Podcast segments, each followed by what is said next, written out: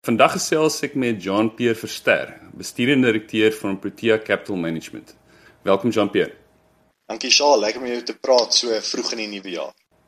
Vir ons huidige markgebeure bespreek, wil ek graag eers 'n stapie terugvat. Ehm um, jy's 'n verskansingsfondsbestuurder of 'n hedge fund manager soos hulle in Engels sê. Uh, waar het die term ontstaan en uh, wat is 'n hedge fund? Uh sosiaal die term het ontstaan in uh die laat 1940s of vroeë 1950s toe meneer Jones, A.W. Jones, besluit het om aandele te koop, maar hy wou homself verskans teen die risiko dat daai aandele miskien sou val in prys en hy geld sou verloor. So toe besluit hy om beide aandele te koop wat hy verwag sou styg in prys, maar ook aandele te leen by ander mense, huidige aandeelhouers en daai aandele te kort verkoop soos wat ons dit noem. En dit beteken hy kon later dan daai aandele terugkoop teen hooplike laer prys, terugbesorg aan die mense by wie hy dit geleen het en op daai manier geld maak van aandelepryse wat val. En weer beide dis aandele te hê wat hy verwag sal styg in prys en geld maak daardeur, plus aandele te hê wat hy kort verkoop en geld maak in 'n daling van hulle aandelepryse, het hy homself probeer verskans teenoor maak nie saak wat in markte gebeur nie, hy sal probeer geld En sedertdien die afgelope 70 jaar het die hedge fund of verskansingsfondsindustrie nogal baie gegroei sedert daai eerste fonds van meneer A.W. Jones. Wat se tipe hedge funds daar? Ek neem aan dit het nogal net soos 'n smarty box paar klere gekry sedertdien. En watter hedge hoe wat is jou styl? Wat doen jy met joune? Hmm, ja, ek dink 'n smarty box is 'n goeie analogie. Eh, die term hedge fund of verskansingsfonds is nie 'n homogene term nie. Daar is baie verskillende verskansingsfondse wat 'n groot verskeidenheid strategieë volg. Die mees uh, bekendste een wat ook die een is wat ons volg by Protea Capital Management is wat hulle in Engels noem equity long short of ekwiteit lank kort. En dit is presies wat ek verduidelik het waar mense meestal aandele koop wat jy verwag sal styg in prys en aandele koop verkoop wat jy verwag sal daal in prys. Maar ander verskansingsfondse sal byvoorbeeld handel dryf in rentedraende instrumente dan word hulle genoem fixed income hedge funds of byvoorbeeld net in kommoditeite dan sit 'n kommoditeitsverskansingsfonds of in geldeenhede en ehm um, en rentekoerse en groot geopolitiese uh, analises wat gedoen word en dan word hulle genoem 'n makro hedge fund. So daar is 'n klomp verskillende strategieë waarvan die mees bekende en ons strategie ekwiteit lank kort is. Wat is 'n market neutral fonds? 'n market neutral fonds is 'n subafdeling van 'n ekwiteitslankkortfonds. En wat 'n market neutral fonds of markneutraal fonds doen, is die fondsbestuurder besluit om sekere aandele te koop, sekere aandele te kort verkoop, maar die fondsbestuurder wil rolweg dieselfde waarde van aandele koop en kort verkoop sodat die netto blootstelling aan die mark rolweg neutraal is. En dit is dan 'n markneutrale fonds terwyl die meerderheid ekwiteit lankkort lankkortfondse nog steeds het wat ons noem 'n bias. Hulle het 'n 'n 'n manier om meer lang posisies te hê as kort posisies.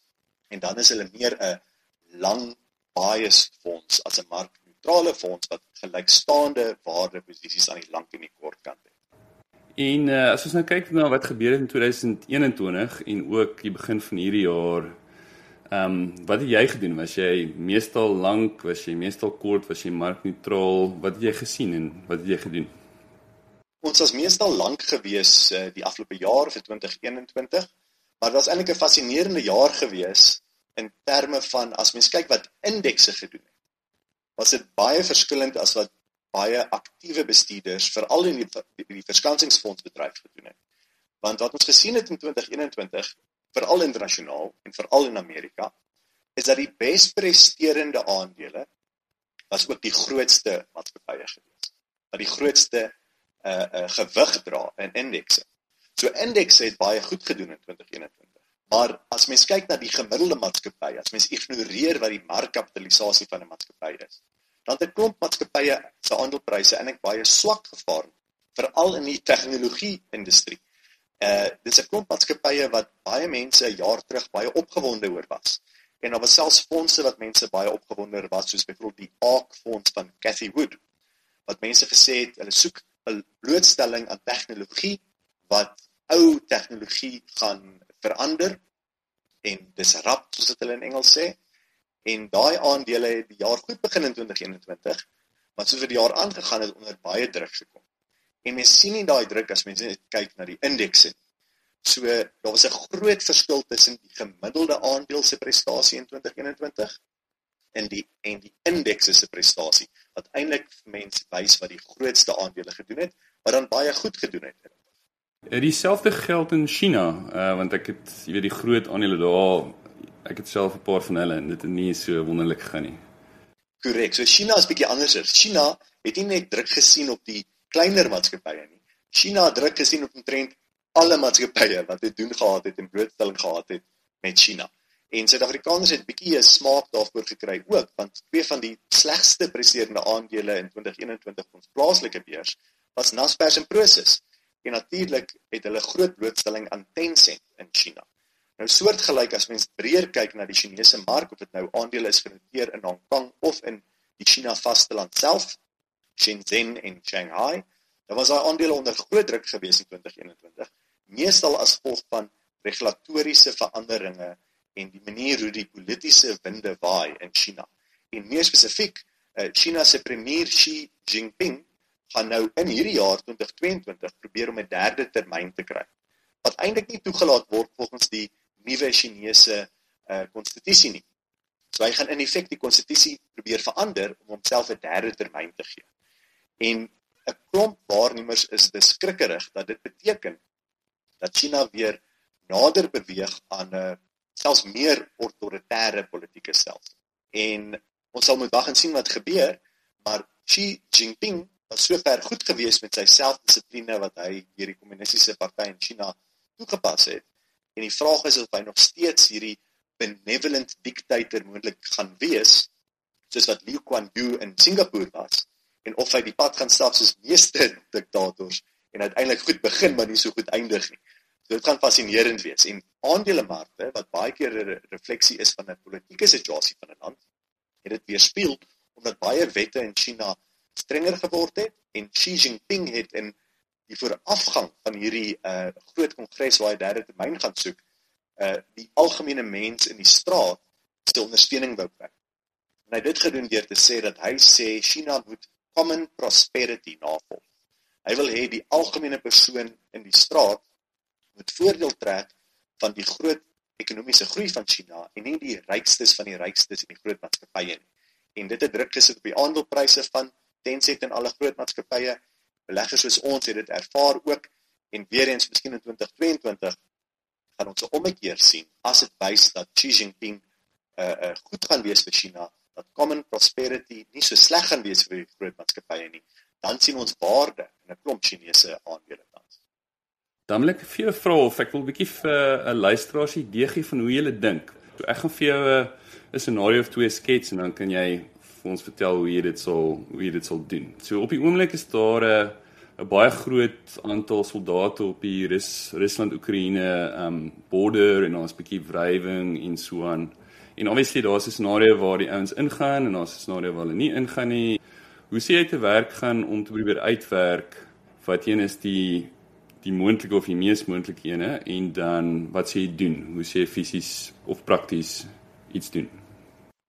Ja, so jou, om jou 'n aanduiding te gee van hoe ons dink. Ek dink eerstens meeste beleggers behoort te weet dat mense kan die beleggingsveld en hoe hoe fondse belê kategoriseer in twee kategorieë en dit is aktiewe fondse en passiewe fondse. En 'n aktiewe fonds het 'n mens wat betrokke is wat subjektief besluit waarin om te belê terwyl 'n passiewe fonds volg net 'n reël.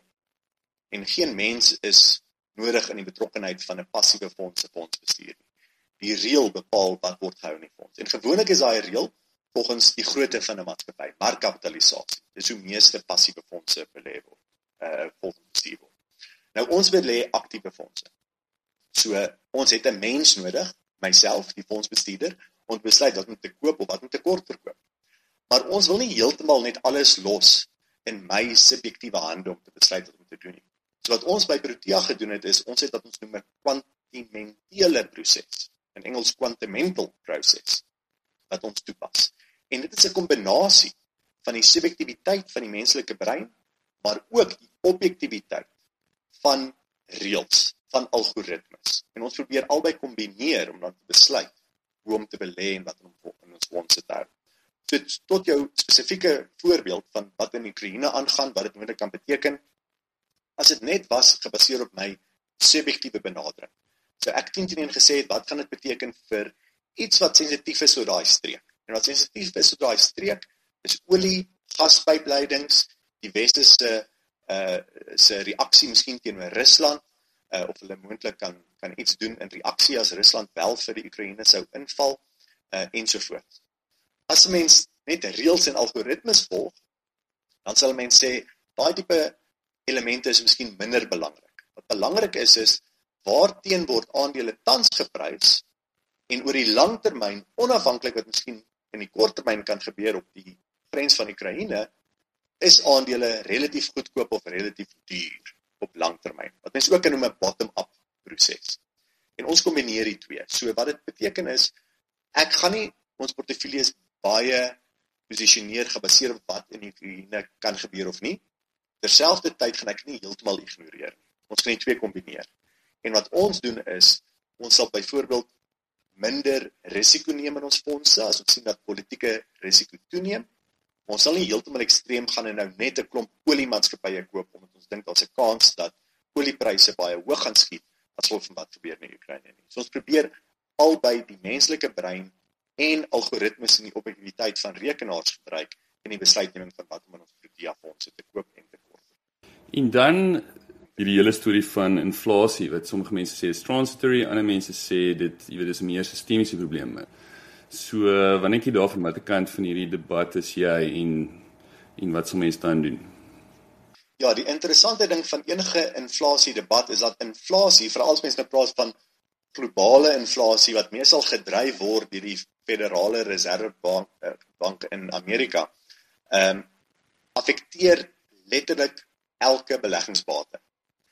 En daarom is dit 'n belangrike konsep om oor te dink en te besluit wat dink 'n mens gaan gebeur met inflasie. En weer eens waar dit baie belangrik is dit kom by individuele bates is hoe inflasie verskillende bates se billike waardes affekteer. En wanneer dit kom by groei aandele, maatskappye wat mense verwag, meeste van die waarde van die maatskappy is gebaseer op die langtermyn groei van winste en die winste dus ver in die toekoms het 'n sprong in inflasie wat gepaard gaan met 'n sprong in rentekoerse 'n baie nadelige invloed op die huidige billike waarde van daai maatskappye omdat as mense rentekoers gebruik om kontantvloeie ver in die toekoms te verdiskonteer na die huidige toe dan het dit 'n groter impak op kontantvloeie verder in die toekoms in. So ons moet oor hierdie konsep dink. Ons hou van maatskappye wat ons glo oor langtermyn teen hoëgemiddelde koerse sal groei wat ook dan beteken dat ons het seer gekry die afgelope jaar soos wat inflasie toegeneem het en daai spesifieke maatskappye se aandelepryse onder druk was omdat rentekoerse so 'n groter impak op hulle aandele het as gewone aandele met 'n uh, eh, uh, eh, winste wat verwag word nie so vinnig sal groei. So ons het nie 'n ferme opinie oor inflasie vorentoe nie. Ons voel dat 'n goeie kwaliteit maatskappy wat mense verwag winste sal groei teen 'n bogemiddelde koers sal deur 'n inflasie siklus van hoër inflasie en laer inflasie die prys mag hê om hulle winste te kan verdedig. En derhalwe het ons nie ons portefeuilles posisioneer gebaseer op 'n verwagting van wat met inflasie gaan gebeur nie, maar liewers gebly by ons standaard posisionering van koop aandelepryse van hoëgemiddelde maatskappye met wat ons verwag hulle winste sal styg teen 'n hoëgemiddelde koers, kort verkoop middelmatige maatskappye wat se winste groei nie bybly by inflasie nie en oor langtermyn onafhanklik wat gebeur met inflasie behoort hoëgemiddelde maatskappye te uitpresteer en ondergemiddelde maatskappye minder goed as die mark te doen. En dis nou iets vir so Cinema, Coca-Cola, Microsoft, Nestle, daai tipe die goeie maatskappye. Presies, al daai brand names wat jy goed ken wat hulle kan hulle pryse opstoot van een jaar na ander en Mens grinnik 'n bietjie, maar jy gaan nog steeds jou Coke koop, jy gaan nog steeds jou Microsoft Office subskripsie betaal, jy gaan nog steeds jou Netflix subskripsie betaal al raak dit duurder teen 'n koers groter as inflasie. En dan om af te sluit, ek het twee vrae. Uh die eerste een is is 'n bietjie ja, amper 'n uh, Nassim Taleb Black Swan, maar mense weet nou nie wat dit is, hy so grey grey grey swan. Wat dink jy gaan iets wat meeste mense dink en die mark dink baie onwaarskynlik is, maar iets wat jy sê hierdie mag dalk meer waarskynlik wees as wat meeste mense dink? Ons is nog altyd versigtig vir vooruitskattinge. En ek kan vir jou sê, ek dink die meeste mense het 'n goeie les geleer aan die begin van 2020. Toe hulle vooruitskattinge maak vir 2020 en almal van ons verbaas was toe COVID se opwagting maak en 2020 onherroepelik verander het van wat ook al mense verwag het. So soortgelyk, ons het eintlik nie sterk opinies oor vooruitskattinge nie, oor ding wat kan gebeur nie. Ehm um, iets wat ons dink 'n lae waarskynlikheid het wat miskien 'n groter waarskynlikheid het in ons subjektiewe opinie van wat kan gebeur, is dat dinge in China eintlik relatief goed sal uitwerk. Dat Xi Jinping nie sleg gaan wees vir China nie, dat ehm um, die kommunis uh, kommunisme in China nie so sleg is vir China se tipe kapitalisme wat eintlik in effek toegepas word in die land nie en dat Chinese aandele dus beter kan uh, uh, presteer in 2022 as baie mense verwag. Dis die een ding wat ons dink 'n hoër waarskynlikheid het in ons subjektiewe opinie, maar in die algemeen het ons geleer as mens vooruitskattinge maak, dan ehm uh, gaan jy groter kans hê om verkeerd te wees as om reg te. Maar as ek net so luister en ek ek het al 'n bietjie gelees oor die goed, dis nogal dit klink baie moeilik wat jy doen. Soos hedge fund het al hierdie instrumente en dis volatility dit en gamma dit en beta dit, jy weet, dis meer Grieks as wat ek gedoen het en ek het Grieks geswat op universiteit. So hoekom my vraag is hoekom doen jy hoekom is jy hedge fund bestuurder as dit lyk asof dit baie makliker is net om jy weet 'n long portefeulje te hê en goeie companies te koop. Wat het laat besluit om 'n hedge fund te doen?